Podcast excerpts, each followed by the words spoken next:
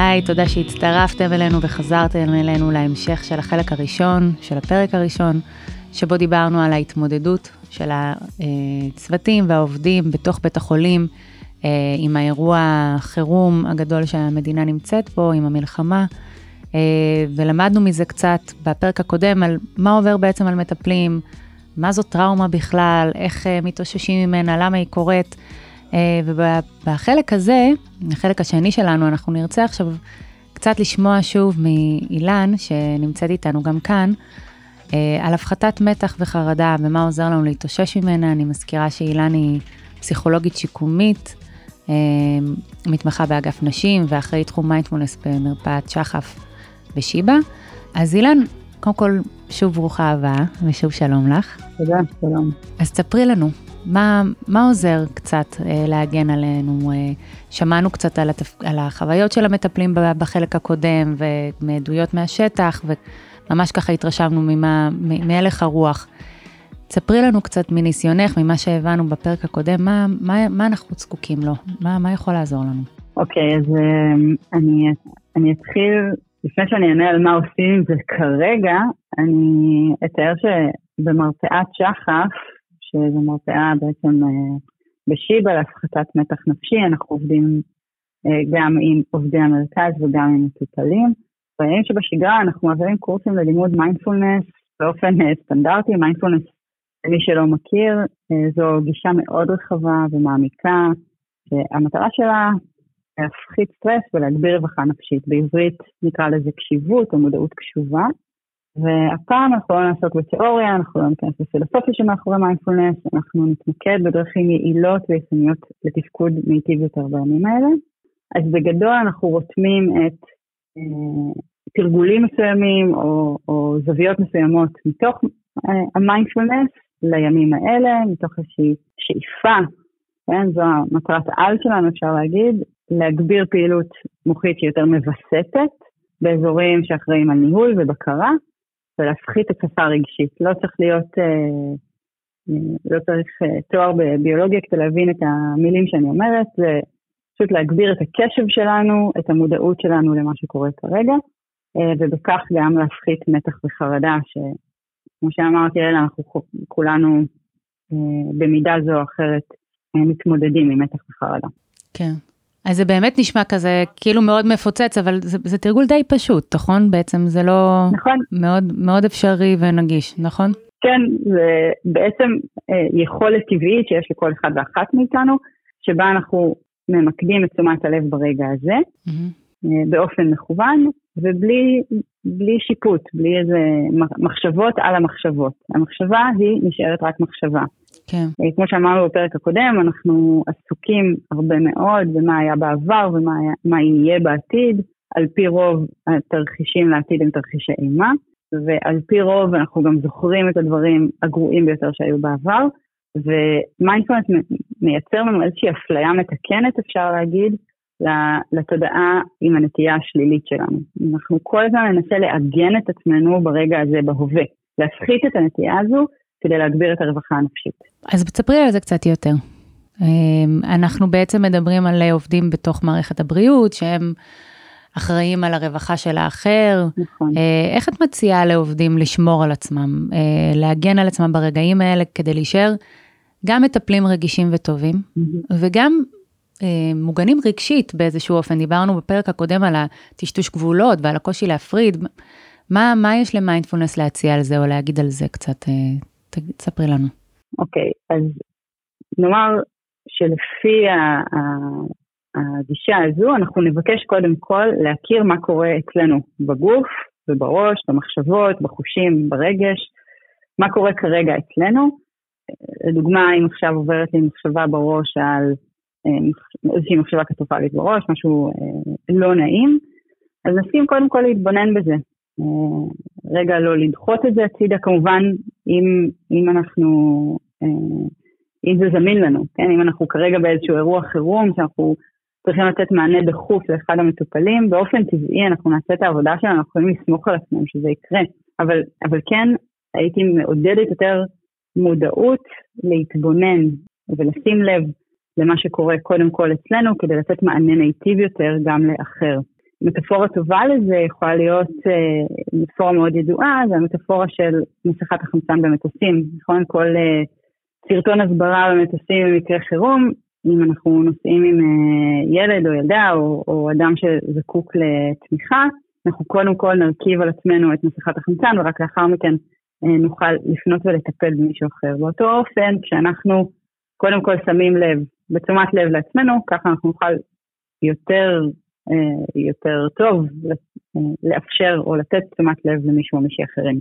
אוקיי, okay, אז איך, איך בעצם זה קורה? איך זה עובד? מה, מה בלשים לב לעצמי ובלהפנות קשב למה שעובר עליי אה, עוזר לי לשמור על עצמי יותר טוב ויותר טוב ככה גם כמטפלת או כעובדת אה, שבמגע עם מטופלים? אז מה שאנחנו עושים מבחינה יישומית זה אה, מסתכלים או מתבוננים, בוחנים, סקרנים לגבי מה קורה כרגע, ברגע הזה, לא בעבר ולא בעתיד. כן, אז מה קורה ברגע הזה? אה, יכולות להיות אה, גם מחשבות, אבל אנחנו נשתמש בגוף שלנו כאיזשהו כלי הכלה לרגשות הלא נעימים, למחשבות הלא נעימות. יכול להיות שאנחנו נוכל, יש ככה איזה תרגול מאוד, מאוד ידוע, דווקא מעולם הפסיכולוגיה, מהאקט, שמציע להתבונן אה, בעזרת חוש הראייה על חמישה דברים סביבנו, לשמוע ארבעה צלילים, אה, לחוש בגוף, כן, אה, האור שלנו זה האיבר הגדול ביותר בגוף, אז לחוש את המגע שלי עם האדמה, או עם איזה רהיט שאני יושבת עליו, או איזה איבר שנוגע באיבר אחר, פשוט ממש להתאגן ברגע הזה, לטעום, להריח, פשוט להיות, להיות כאן, זה איזה גשר כזה בין עבר ועתיד לבין ההווה. אז זה תרגול אחד מאוד חזק. שזה בעצם מזכיר לנו את ההווה. כן, להזכיר לעצמנו את ההווה זה עלה מאוד חזק בשיתופים של עובדי שיבא, אה, ההזדהות הזו עם האחר, mm-hmm. נכון? הקושי כן. שלנו להפריד בעצם ביני לבין אחר, ואז ההצפה הרגשית היא, היא גבוהה יותר. אה, וכשאנחנו מתמקדים ברגע הזה, אנחנו גם מפרידים בין עתיד לעבר להווה, וגם בין עצמי לבין אחר, כן, התחושות שלי הן התחושות שלי, הרגע הזה הוא הרגע הזה, הוא לא מה שהיה ולא מה שיהיה. כן. זה מאפשר מרחק מסוים, שאנחנו יכולים פשוט לשאול, אולי אה, לעצור לשנייה אחת, וכמה שיותר לשאול מה קורה איתי כרגע בראש ובגוף.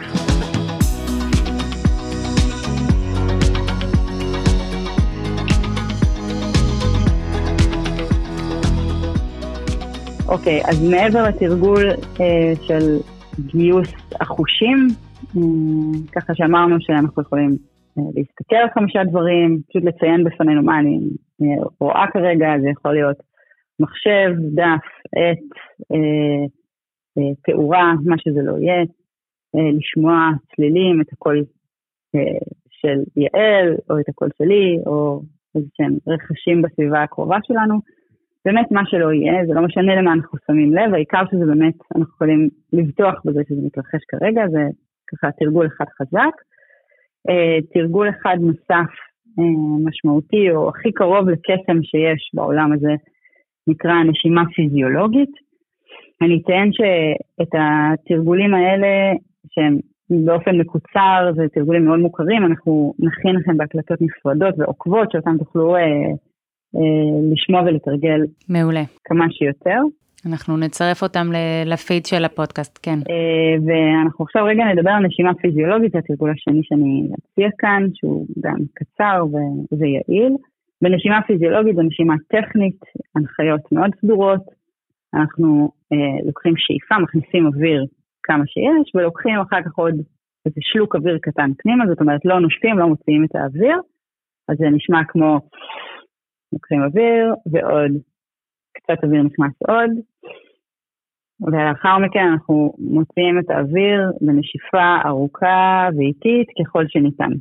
כשאנחנו חוזרים על זה שלוש עד ארבע פעמים, אנחנו בעצם מבלבלים את המוח. אנחנו, אה, כמו אומרים לו, אנחנו נושמים לאט, אנחנו נושמים רגוע, כי בעצם הכל בסדר כרגע. כן? ואז הקשר הזה בין הגוף לנפש נרתם לטובתנו. זה בעצם איזושהי דרך לעבוד אה, עם התגובות אה, שדיברנו עליהן מקודם, נכון? עם הקשיי נשימה והרעד וכל מיני תחושות פיזיולוגיות שיכולות להתעורר מתוך החשיפה הזאת לסיפורים הקשים ולמראות הקשים.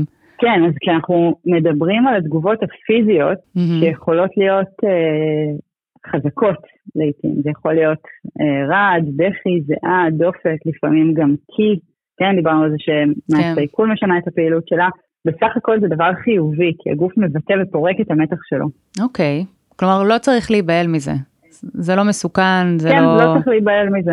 זה לא, זה לא סימן שאני משתגע, זה לא סימן שמשהו לא בסדר בי. אנחנו לא נבהלים מהבהלה, כמו שאמרתי, ככה שיחה מקדימה שלנו. כן. אז כשיש לנו אפשרות, וזו עבודה חזקה עם התגובות הפיזיות, כשיש לנו אפשרות אנחנו נקצין באופן מכוון את התנועה. אוקיי. Okay. זאת אומרת, אם אנחנו רועדים, אנחנו נגביר את התנועה של הידיים, אולי אפילו כל הגוף יצטרף לזה. אפשר לפנות הצידה לכמה רגעים, אה, ממש כמה דקות שבהם אנחנו מניעות את הגוף, מניעות אה, את האיבר שרועד, ואולי אה, עוד חלקים בגוף. וכמו שעם הנשימה הפיזיולוגית, אנחנו פשוט מבלבלים את המוח. אה, אנחנו כמו, עוד פעם, כמו אומרים לו, זה בעצם מכוון. Mm. אנחנו לא רועדים, כי אנחנו בחוסר שליטה, יש כאן שליטה. אוקיי. Okay. אנחנו מחזירים אותו לאיזשהו איזון. אז אנחנו בעצם גם עושים פה איזושהי עבודה עם תחושת אה, חוסר השליטה שיש הרבה פעמים בפחד. לגמרי, זו תחושה מאוד דומיננטית בשבוע האחרון. חוסר תחושה, חוסר אמון, חוסר אמון הזה יכול גם להיות מופנה כלפי עצמנו.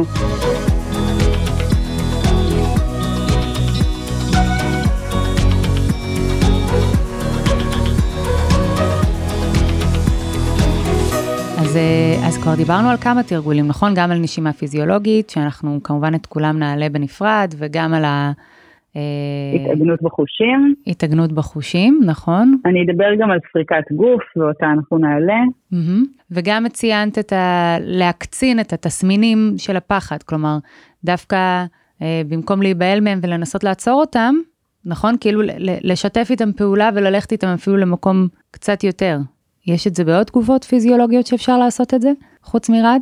תראי, גם אם יש דופק, אה, דופק מוגבר, אז אפשר אפילו להגביר עוד קצת את הדופק, אה, או איכשהו להעביר את המסר למוח שזה בעצם מכוון ונשלט. אז אולי לקפוץ קצת, אוקיי. Okay. או לעבוד עם רעד, אה, זאת אומרת, גם להניע את הגוף כאילו הוא רועד, גם במקרים של דופק יכול להיות יעיל. אם זה בכי, כשאפשר ואנחנו יכולים, אז, אז, אז לתת לדמעות, לתת לדמעות לזול. במובן הזה, גם בגלל המציאות המשותפת שאנחנו חיים בה כרגע, להזיל דמעה עם מטופל זה לא דבר שלילי. כן? כן. נכון, אנחנו לא נתפרק, אנחנו לא נ, אה, אה, נייבב אה, ו, ונצעק באופן חסר שליטה, אבל לאפשר לא לעצור את, ה, את התגובות הפיזיות האלה שמאפשרות כן, ביטוי כן. ופורקן מתח. אוקיי, אני חושבת שאפשר לעשות את זה גם בצורה מובנית, כן? לאפשר לתת איזשהו פרק זמן קבוע ביום של תנועה חופשית, של פורקן מתח, ספורט למי שמתאמן, מתיחות, גם אם ממש למספר דקות אה, קצובות. אה, אנחנו אולי לפני 20 שנה, אם הייתי מציעה דבר כזה, אה, היו לועגים לאמירה הזו שלי, אבל היום גם הרפואה וגם הפסיכולוגיה מבינים היטב את הקשר הדו צדדי בין התודעה לגוף, והיא משמעותית בבריאות הפיזית והנפשית שלנו. זאת ההזמנה, הזמנה חמה לעבוד עם זה. אני, אני מאוד מסכימה, כי בעצם אם התגובה לפחד היא מאוד מאוד פיזית, נכון, היא מתבטאת בצורה פיזית, וכל המערכת דרוכה ובעוררות mm-hmm. כזאת אה, פיזית מאוד גבוהה, אז זה קצת דומה למה שאמרת, אנחנו הולכים עם, ה, עם התגובה הזאת עד הסוף. אנחנו גם נעשה אולי ספורט, או נעשה מתיחות, נפעיל את הגוף.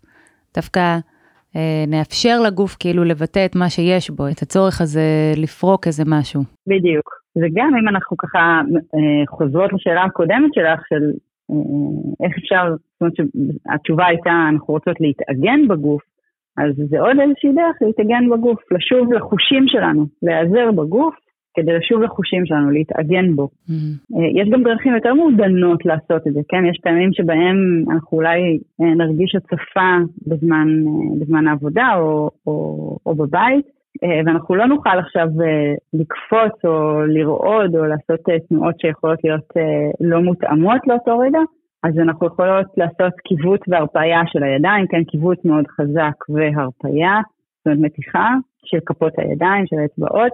או אפילו לחיצות לסירוגין על, על הזרועות, לחיצות ככה לא עדינות, לא איזה קיצי, כן? ממש להחזיק חזק, להרגיש את התחושה הזו, להתמקד בה ולשחרר.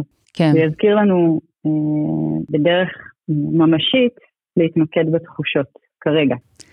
תודה רבה, זה ככה ממש הרבה טכניקות מאוד פרקטיות, אני חושבת שהן ממש עוזרות ככה, כן, כן, לחשוב מה אנחנו עושים עם, עם המתח ועם העומס וה, והתגובות הטראומטיות שדיברנו עליהן בחלק הקודם. אה, אני רוצה שנקשיב גם למה העובדות סיפרו, אה, שעוזר להן. נשמע רגע עוד עובדת את העובד ששמענו מדימות, אה, מה, מה היא מספרת? מה ששמר עליי זה בעצם זה שהילדים שלי איתי, ומעגלים הקרובים שלי איתי, ואנשים שאני מכירה הם איתי, והרגשתי ממש ברת מזל שהילדים שלי לא הלכו למסיבה המקוללת הזאת, ושאנחנו כרגע ביחד. ושילדים חזרו הביתה פתאום כי, כי הרגישו שהבית זה טוב, הרגישו שהבית זה משהו ששומר עליך. זה הדבר היחיד שמנחם. אז אנחנו שומעים פה על עוד אה, ככה כל מיני דברים שגות גם יכולים להחזיר אותנו קצת לאיזון, נכון? אה, ממה שהיא מספרת.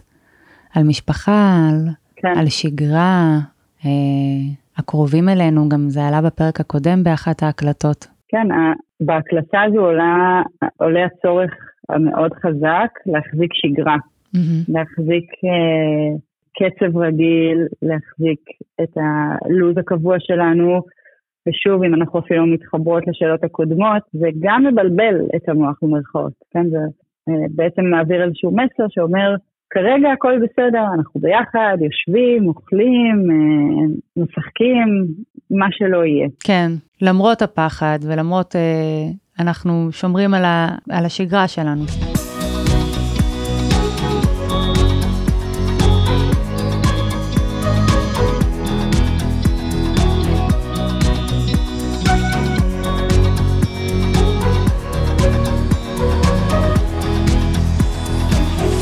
כמו שדיברנו בפרק הקודם, המוח מכניס, אה, הוא בוחר בעצם להפעיל את מערכות הסטרס או לא, מתוך אה, האינפורמציה שיש לו, בעצם שמגיעה דרך החושים, וזה בעצם עובד באיזשהו פידבק, כן? כי אה, כמות הקורטיזול שמופרש אה, מעל, אה, בפטדרל, מעל הכליות, אה, חוזר חזרה אל המוח, ואז ככה כל הזמן יש איזשהו פידבק של כמה עוד להפעיל את מערכות הסטרס, או כמה אפשר עכשיו לחזור לשגרה ולהירגע.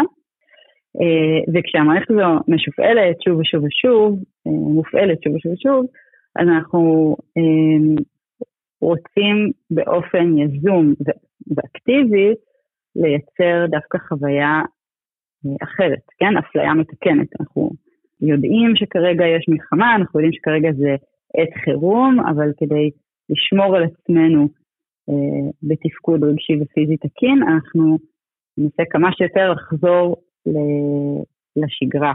אפילו פעילויות פנאי ויצירה כביטוי לפורקן, וגם בעצם אנחנו אומרים, אנחנו יכולים להירגע, אנחנו יכולות לצייר עכשיו, אנחנו יכולות mm. לבשל עכשיו, אנחנו יכולות אה, לאכול בנחת יחסי עם אה, בני הבית, כי כרגע אנחנו, אין, אין איום קונקרטי בשנייה הזו על חיינו. כן, כי באמת, נכון, הרבה פעמים אנחנו יכולים אולי להרגיש אשמה או בושה מזה שאנחנו לא מתעסקים בזה כל הזמן, ולהניח לזה לרגע, אה, ואולי אפילו אשמה על זה שאנחנו בסדר. ובעצם את אומרת, בואו נפתח לדבר הזה מודעות ו, ו, ונגיד מותר. רגע, מותר להירגע, מותר לשמור על הכוחות שלנו, מותר להחזיר לעצמנו את הכוחות. אה, ואני חושבת שגם עלה לי בהקלטה ששמענו, גם על, אה, על, על לשמור מקומות של תקווה ואור, אה, כל אחד מהמקום שלו, גם בקמצוץ של, של, של טוב בתוך רע, כן? כי יש כמובן סיפורים עם המון המון רע, אבל גם בתוכם, את ההתגייסות של העם, את הגבורה, את, ה, את התרומה שאנחנו רואים סביבנו, את הנתינה, שגם עלו מתוך ההקלטות. מאוד חשוב בתוך הרגעים האלה לא לתת גם לחושך ול, ולכוחות האופל האלה שמאיימים לנו על הבפנים, נכון? על המחשבות הרעות האלה שמתחילות אה, להפיל ולהשתלט, לא לתת להם להשתלט עלינו, כן? כל הזמן לזכור ולשכוח גם את, ה, את האור ולמצוא כל קצה חוט. אה, זה מאוד חשוב גם בשבילנו כמטפלים, בגלל המטופלים שלנו וגם בשביל עצמנו כמובן. את אה, התייחסת לזה שמותר לנו להירגע, שמותר לנו לחזור לשגרה, שמותר לנו לקיים uh, פעילויות שהן לא עוסקות בחירום באופן ישיר, נכון. ואני אגיד יותר מזה, אנחנו, לא שמותר לנו, אנחנו חייבים את זה לעצמנו ולסביבה שלנו. כן, תודה על הדיוק הזה, זה נכון. גם, גם, בשביל, גם בשביל אלה שעכשיו נלחמים, הם צריכים... Uh, אני אומרת את זה ככה כדי גם להשקיט את המצפון, הם צריכים עורף חזק ועם מוטיבציה ושמאמין, שרואה שאפשר, שרואה שזה יכול לקרות. אני חושבת שזה, שזה חשוב מאוד כדי שנשמור על החוסן שלנו ועל הכוחות שלנו. אה, אז אנחנו בעצם מדברים על מקום עבודה, אז אני רוצה גם לדבר על מה קורה בתוך מקום העבודה. כל מה שנוגע להתמודדות טובה, לת... לאיך להיתמך. ואולי נשמע עוד איזושהי הקלטה על מה, למה אנחנו זקוקים מה, מהמנהלים שלנו. נקשיב uh, לעובדת מהמיון, מה היא חיפשה. אני חושבת שלראות את כל הצוות הניהולי הבכיר, גם ברמת המחלקה וגם ברמת הבית חולים, זה משהו שנתן לי הרגשה שהאירוע בשליטה ואין משהו כאוטי, וזה, אנחנו לא מתמודדים עם זה לבד, זה משהו גדול ויש פה את האנשים הכי בכירים שפה בשביל זה. אמ, וזה היה כיף ומחמם את הלב לראות את ההתגייסות של כולם. אמ, מה שאמר עליי ב... באירוע עצמו, אמ, ניסיתי להסתכל על הדברים הטובים. ניסיתי להבין שהפצועים שהגיעו אלינו זה האנשים ששרדו, לעומת אלה המאות שמתו בשטח, ושאנחנו בעצם פוגשים את הצד היותר טוב של התקרית הזאת, או המלחמה. וגם כל האנשים הטובים מסביב, המתנדבים שבאו והביאו לנו ארוחות חמות ודאגו למשפחות ועשו להם כביסה ותמכו ופינקו והודעות מחברים. הדאגה הענקית הזאת של אה, עם ישראל במיטבו ברגעי מצוקה, זה פשוט היה הדבר אה, היחיד שגרם לי לבכות באותו ערב. לא הפצועים ולא הסיפורים, אלא ההתרגשות הזאת של הביחד ושאנחנו פה כתף אל כתף. ואחרי תקופה כל כך ארוכה שהעם הזה או המדינה הזאת רבה אחד עם השני, פתאום כולם מגויסים לאותה משימה וזה שמר לי על שפיות וגם גרם לי באמת ממש לבכות. זה ממש מתחבר לי למה שדיברנו על למצוא את האור ואת הקצה חוט ו... וגם מחבר אותנו לפן המערכתי קצת, למה אנחנו זקוקים מהמנהלים. אז אני, אני רוצה לתת כמה דגשים למנהלים בתקופה הזאת, שאולי גם מקשיבים לנו. אמ, שאולי שואלים את עצמם איך אני תומך בעובדים שלי, האם אני תומך מספיק טוב בהם, האם אני, איך אני יכול לעזור להם. אז הדבר שהכי חשוב לי להגיד קודם כל זה שחשוב לייצר שיח פתוח, מקבל ומנרמל. יש הרבה תגובות מאוד קיצוניות, אה, מוזרות, אה, מגוונות, בתוך המצב הזה, ו, אה, והתפקיד שלכם הוא קודם כל לקבל את הדברים ו, ו, ולנסות לעשות אותם קצת לנורמלים, ו, ובעיקר לקוות שיגידו לכם, ש, שיוכלו להגיד לכם, שיהיה שיח פתוח. לא להיבהל מאנשים מבוהלים, מעובדים מבוהלים. זה בסדר שהם מבוהלים, זה טבעי. אה, וכמובן לעודד כמה שפחות להימנע מלהגיע לבית חולים או להגיע לעבודה ומצד שני, אנחנו גם לא יכולים לא לקבל מגבלות שעולות לאנשים בתקופה הזאת, אה, שסובלים מאוד מחרדה או מתקשים לצאת מהבית. אה, אתם יכולים לשתף גם בקושי שלכם, לצד זה שאתם מקרינים חוסן וכוח, לספר גם על כמה לכם קשה בתקופה הזאת, קצת כמו שדיברנו על מול מטופלים. כמובן שאתם נשארים היציבים והחזקים, אבל זה בסדר אם גם אתם בוכים וגם אם לכם יש רגעים קשים.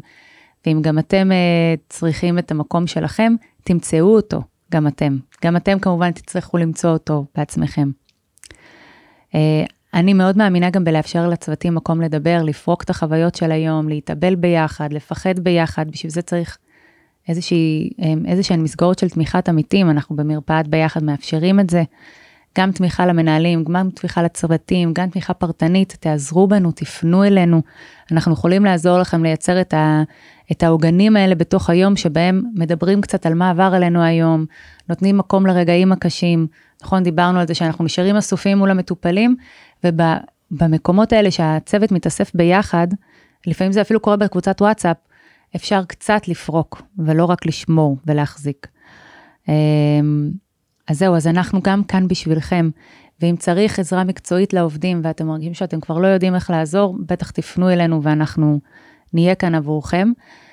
לא כל בעיה שיש לעובד אתם חייבים לפתור אותה, גם חשוב לי להגיד את זה, יהיו מצוקות של עובדים שהם יביאו, וזה לא קשור לניהול, וזה לא משהו שאת בשליטתכם, וגם חשוב, אה, לפעמים גם עובדים פשוט צריכים שיכילו אותם, שישמעו אותם, ויש להם את המקורות שלהם להיתמך, ויש להם את המקורות שלהם לפתור את הבעיות שלהם. לא צריך להיבהל יותר מדי גם, אה, גם זה חשוב לי להגיד. אז מצד אחד, תהיו רגישים אליהם ותפנו אותם אלינו אם צריך, ומצד שני, תזכרו שזו תקופה לא נורמלית, ומותר להיבהל ומותר להרגיש רגשות קשים, אה, ולא את הכל אתם תוכלו לפתור. יש לך עוד איזה משהו ככה להוסיף? אני חושבת שמה שעולה פה מאוד חזק, זה מהדברים שאת אומרת, אה, זה קשר בין אישי.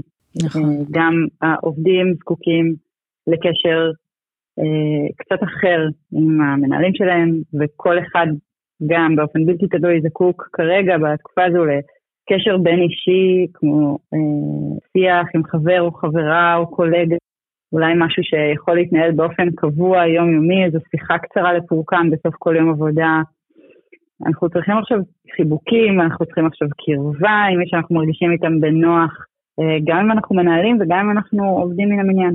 כן, זה, זה טוב לסיים ככה את הפרק שלנו גם עם האמירה הזאת על קשר ועל מערכות יחסים קרובות ועל uh, להישאר קרובים. ככה, גם השם של המרפאה ביחד, אני חושבת, מאוד מכוון למקום הזה, שאנחנו אנחנו ביחד איתכם, זאת התמודדות משותפת, זה הרבה מהחוסן שלנו כעובדים פה. הביחד הזה שלנו והביחד uh, גם הקולקטיבי יותר והרחב יותר כמובן. אה, אז אילן, המון המון תודה על שני הפרקים האלה אה, ועל ההתגייסות שלך, גם מרחוק, אה, להיות איתנו כאן ולשתף אותנו ככה ב, בידע שלך ו, ובא, ובהקשבה הזאת. אז, אז תודה. תודה, יעל, שנדע ימים טובים. הלוואי, הלוואי, הלוואי, הלוואי, וכמה שיותר מהר, ותודה לכם על ההקשבה.